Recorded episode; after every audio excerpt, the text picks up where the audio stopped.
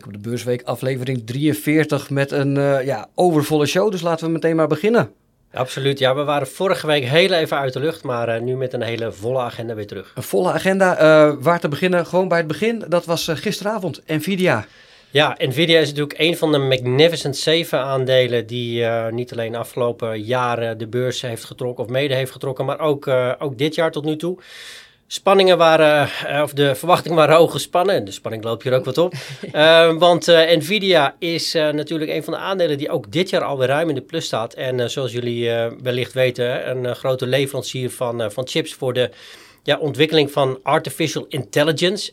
Um, ja, en die wist toch na beurs gisteravond de verwachtingen van analisten, zoals gezegd, die al hoog gespannen waren, toch weer te overtreffen. Niet alleen voor het vierde kwartaal van, uh, van vorig jaar, maar ook voor de verwachtingen van uh, het lopende kwartaal. En dat ziet er gewoon super sterk uit. Ja, er lijkt geen rem op te staan, er lijkt geen maat op te staan op, op Nvidia. Waar, waar halen ze nog al die winst uit? Waar, ja, waar halen ze het vandaan? Nou ja, ze halen het dus vandaan uit de verkoop van, van chips, die ze overigens niet, niet zelf maken, maar door onder andere TSMC in Taiwan laten doen.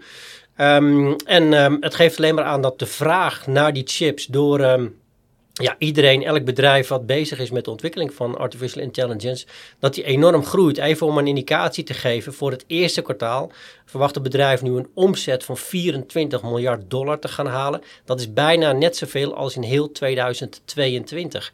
Um, om er even dat in perspectieven te plaatsen. Dus is bijna een verviervoudiging um, ten opzichte van een heel jaar. Dus de groei zit er uh, heel sterk in.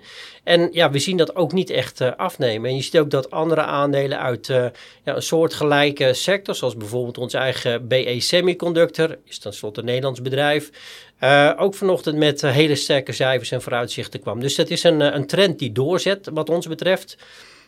Vandaar ook dat we nog steeds positief blijven over ja, de overweging van, van IT-aandelen.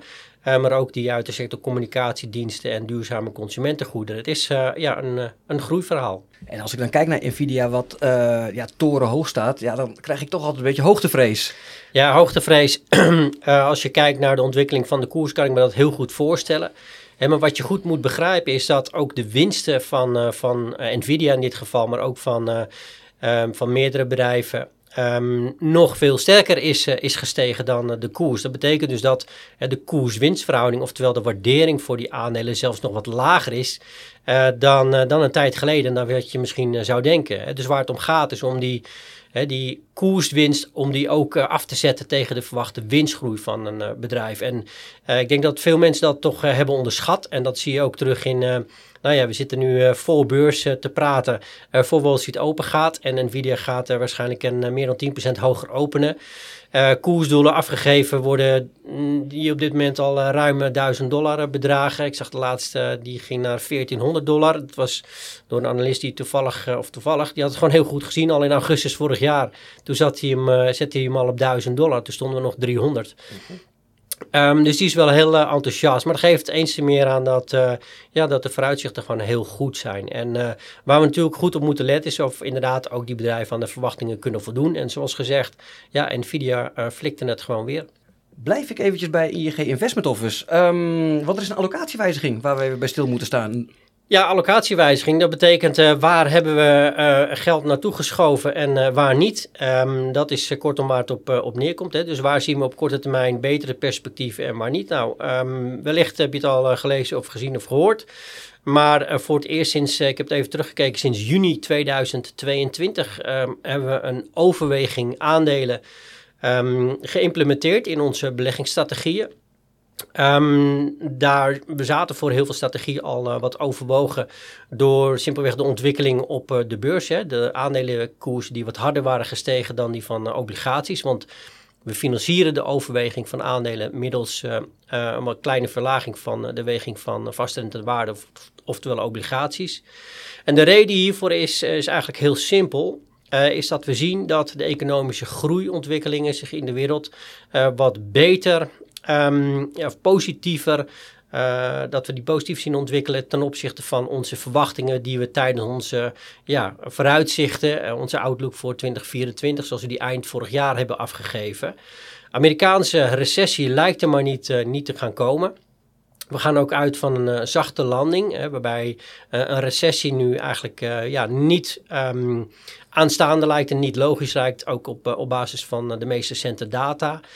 Ehm, en dat betekent ook dat de winstgroei van bedrijven wat uh, verder omhoog kan gaan. En dat zien we niet alleen in uh, Amerika, maar we zien ook dat bijvoorbeeld in Europa langzaamaan ja, de bedrijvigheid per saldo weer wat uh, aan het verbeteren is. Ja, dus dan tik je al eventjes het macro-economische aan natuurlijk. Um, en daar wil ik eigenlijk meteen even op doorpakken voor het volgende agendapunt. En dat zijn um, inflatiecijfers. er komt, hè, we zitten in een schrikkelmaand. Hè, volgende week is het zover, 29 februari. Ja. Er staat nogal wat op de agenda dan, hè? Ja, nou even om uh, kort terug te blikken. Want uh, obligaties hebben het dit jaar um, um, in absolute zin, maar ook relatief ten opzichte van aandelen, toch wel wat stuk minder gedaan. Dat heeft te maken met toch wat hogere rentes, zeker ten opzichte van uh, eind vorig jaar. Met name de laatste twee maanden van vorig jaar waren hele goede maanden voor obligatiebeleggers toen de rente zo hard daalde. Uh, we zien wel dat beleggers uh, toen eigenlijk een beetje te ver zijn uh, door gaan anticiperen op een renteverlaging door, door de Fed en de ECB. En daar kwam ja, in januari door wat hogere inflatie, hoger dan verwachte inflatiecijfers in Amerika, een, ja, een verandering in. Toen zagen we ook rentes weer oplopen, lange rentes dus. maar ook de verwachting dat de Fed toch wat later um, de beleidsrente voor het eerst zal gaan verlagen. Nu is het zo dat die inflatiecijfers waar ik het over heb, dat zijn de gewone inflatiecijfers. Uh, maar daar waar de Fed vooral naar kijkt, dat zijn de PCE deflator uh, inflatiecijfers. Uh, personal consumption expenditures, voluit deflator, um, deflatorcijfers. En dat is het inflatiecijfer, um, zoals gezegd, waar de Fed naar kijkt. En die worden inderdaad volgende week donderdag, dat is dan de 29ste, op de schrikkeldag van dit jaar worden die bekendgemaakt. En uh, ja, dan is het uh, afwachten of het dan uh, schrikken wordt of niet. Juist, want we hadden iets wat tegenvallende inflatiecijfers in januari. ja, schets eens wat scenario's voor me. Wat, wat kan daar gebeuren volgens Ja, nou als die, die inflatiecijfers, die, als ik kijk naar de maand op maand verwachting, wordt er ook een klein plusje verwacht. Van plus 0,2 naar plus 0,4 voor de kerninflatie. Dat is zonder voedsel en energie. En dat is eigenlijk waar de vet op stuurt. Um, op jaarbasis wordt er nog wel een lichte vertraging verwacht van 2,9 naar 2,8. Als dat cijfer lager uitvalt dan verwacht, ja, dan krijg je de bevestiging dat de inflatietrend ook volgens die indicator waar de Fed naar kijkt verder doorzet. Uh, mocht die wat hoger uitvallen, ja, dan kan het best zo zijn dus dat de rentes wat verder oplopen. Dat is dus niet gunstig voor obligatiebeleggers. Of het nou per se uh, per definitie slecht is voor aandelenbeleggers, dat valt nog, valt nog maar te bezien. En ga maar na. Als je kijkt naar de, dit jaar tot nu toe, uh, staan zowel de S&P 500-index als de Europese aandelenindex, de CAC in Parijs, de DAX in Frankfurt, de Nikkei in Japan, na 34 jaar weer op een all-time high, wat zeg ik, ja, 35 jaar. Um, en dat betekent dus dat uh, beleggers, ondanks die wat hogere rente die we zien vanaf begin van dit jaar, toch wat een zwaarder gewicht geven aan uh, de positieve economische groeiverwachtingen en de hogere winsten. Je moet goed begrijpen dat we willen wel dat die inflatie naar beneden gaat. Dat is ook wel gebeurd. Maar een beetje inflatie betekent ook dat de nominale winsten, dus inclusief die inflatie van bedrijven, ook toe gaan nemen. En dat zie je dat dat nu de overhand heeft um, bij uh, beleggers. En dat het ook wordt uh, um, ja, bevestigd door de kwartaalcijfers die tot nu zijn uh, gepubliceerd. Laten we dat vooral niet, niet vergeten. Nee, dus een tegenvallend inflatiecijfer hoeft natuurlijk ook niet meteen te betekenen. Dus hè, een tegenvaller uh, voor, de beurs, voor de beurs, voor de aandelenbeurs. Inderdaad. Uh, ik denk dat het voor de obligatiemarkt, en dat is ook de reden waarom we die allocatiewijziging hebben gemaakt. Ja. juist het verschuiven van het beeld, het scenario richting ons positieve economische scenario, maakt de vooruitzichten voor obligatiebeleggers wat minder positief, um, terwijl wat, juist gunstiger is geworden voor, uh, voor aandelenbeleggers. Hè. Dus het verschil in rendementsverwachtingen voor aandelenbeleggers in dat gunstige positieve scenario is ook een stuk groter uh, dan um, de rendementen die we verwachten op obligaties. Zijn ook positief, maar met 3% een stuk minder dan 15% wat we in dat geval verwachten voor, uh, voor aandelen. Kijk, zo hebben we dat ook weer helder aan elkaar gekoppeld.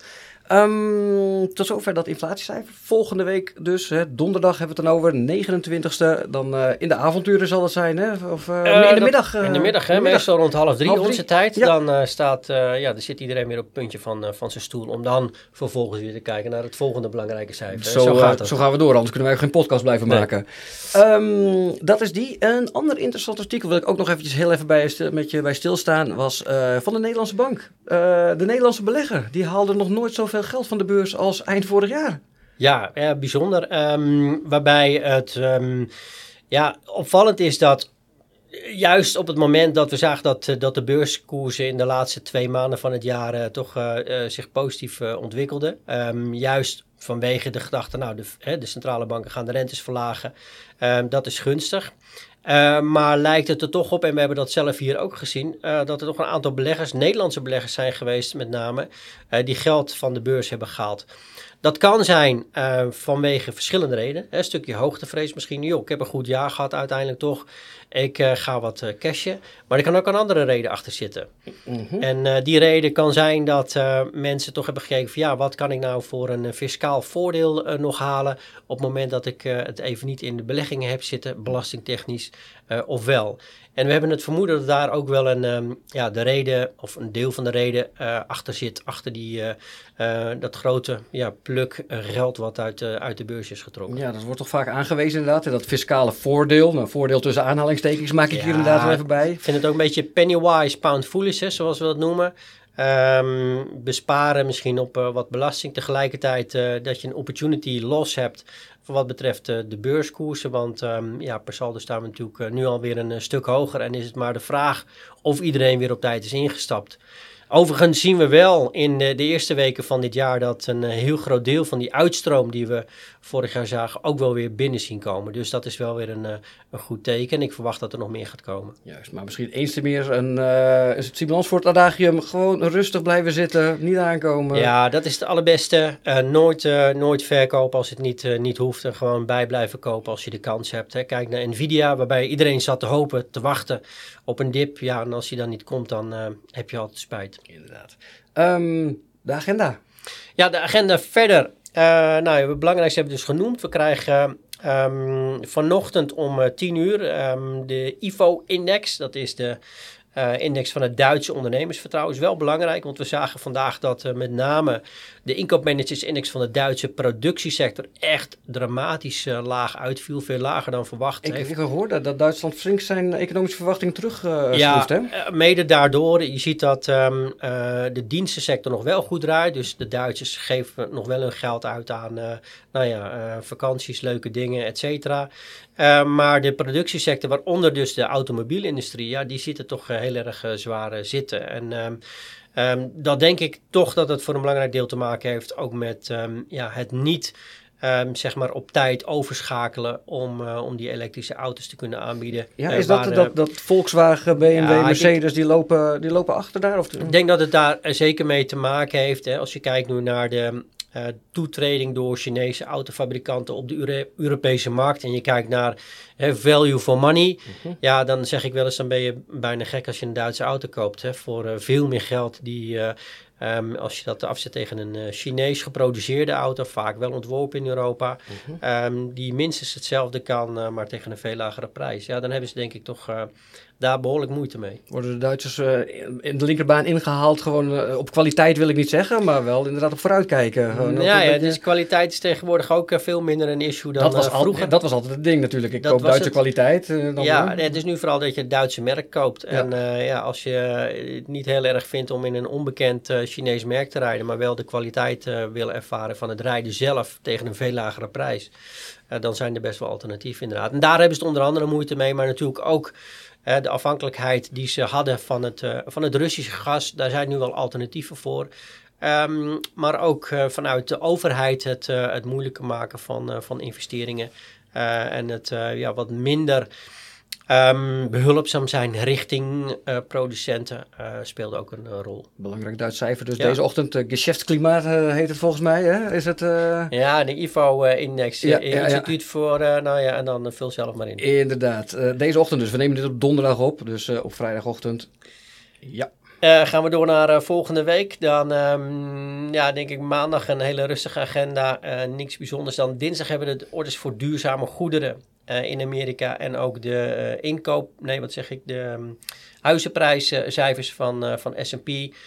Um, voor wat betreft um, nou, de ontwikkeling van de Amerikaanse huizenprijs, zoals ik zei. Uit Duitsland krijgen we ook nog de retail sales, als het goed is, op, op die dag. Um, woensdag krijgen we de groeicijfers. En dat zijn dan de, ja, de nieuwe schattingen voor het vierde kwartaal groeicijfer uit Amerika. Daar wordt geen verandering verwacht. Die viel met 3,3% een stuk hoger uit dan, dan destijds gedacht. Um, en uh, donderdag uh, hebben we dan uh, inflatiecijfers uit Frankrijk, uit Spanje, uit Duitsland. Um, en krijgen we die, nee, die inflatiecijfers uit de VS waar we het al eerder over hadden. Inderdaad. Uh, qua bedrijfscijfers zijn we er wel zo'n beetje... Ja, het is een beetje richting het einde. Wat is eigenlijk het... de, de overall score een beetje aan het eind? Heb je die Ja, die is, ja wij kijken natuurlijk voornamelijk naar, naar Amerika. Dat ja. is 60% van de wereldwijde aandelenindex. Um, en met de S&P als bekendste beursindex. Daar heeft nu... hebben nu 436 van de 500 bedrijven hun resultaten laten zien. Waarvan er 77% de verwachting, de winstverwachting van analisten gemiddeld met zo'n 7,6% heeft overtroffen. Dus al met al kunnen we spreken van een zeer geslaagd kwartaalcijferseizoen tot nu toe. En uh, nou ja, zoals gezegd zijn ook de vooruitzichten, zeker voor een aantal bedrijven en sectoren, uh, behoorlijk gunstig voor de rest van dit jaar. Dus dat ziet er heel goed uit. Waarvan akte? Um, dan um, ja, denk ik dat we het meeste wel gehad hebben. Nog even afsluiten met volgende week vrijdag. Uh, als ik dan kijk op mijn uh, lijstje, dan zag ik daar ook nog um, inkoopmanagers indices uit China. Niet onbelangrijk, hebben we het nu even niet over gehad. Pakken we misschien volgende week weer even op. Laten we doen. en inkoopmanagers indices van Spanje, Italië, Frankrijk en de eurozone als geheel voor wat betreft de productiesector. Dus ja, genoeg om, uh, om weer uh, bij uh, stil te staan. Meer dan genoeg om bij stil te staan. Meer dan genoeg voor de actieve belegger om ook bij de les te blijven. Simon, laten we gewoon volgende week weer verder gaan kijken. Doen we. Oké, okay, dan tot volgende week. Tot volgende week.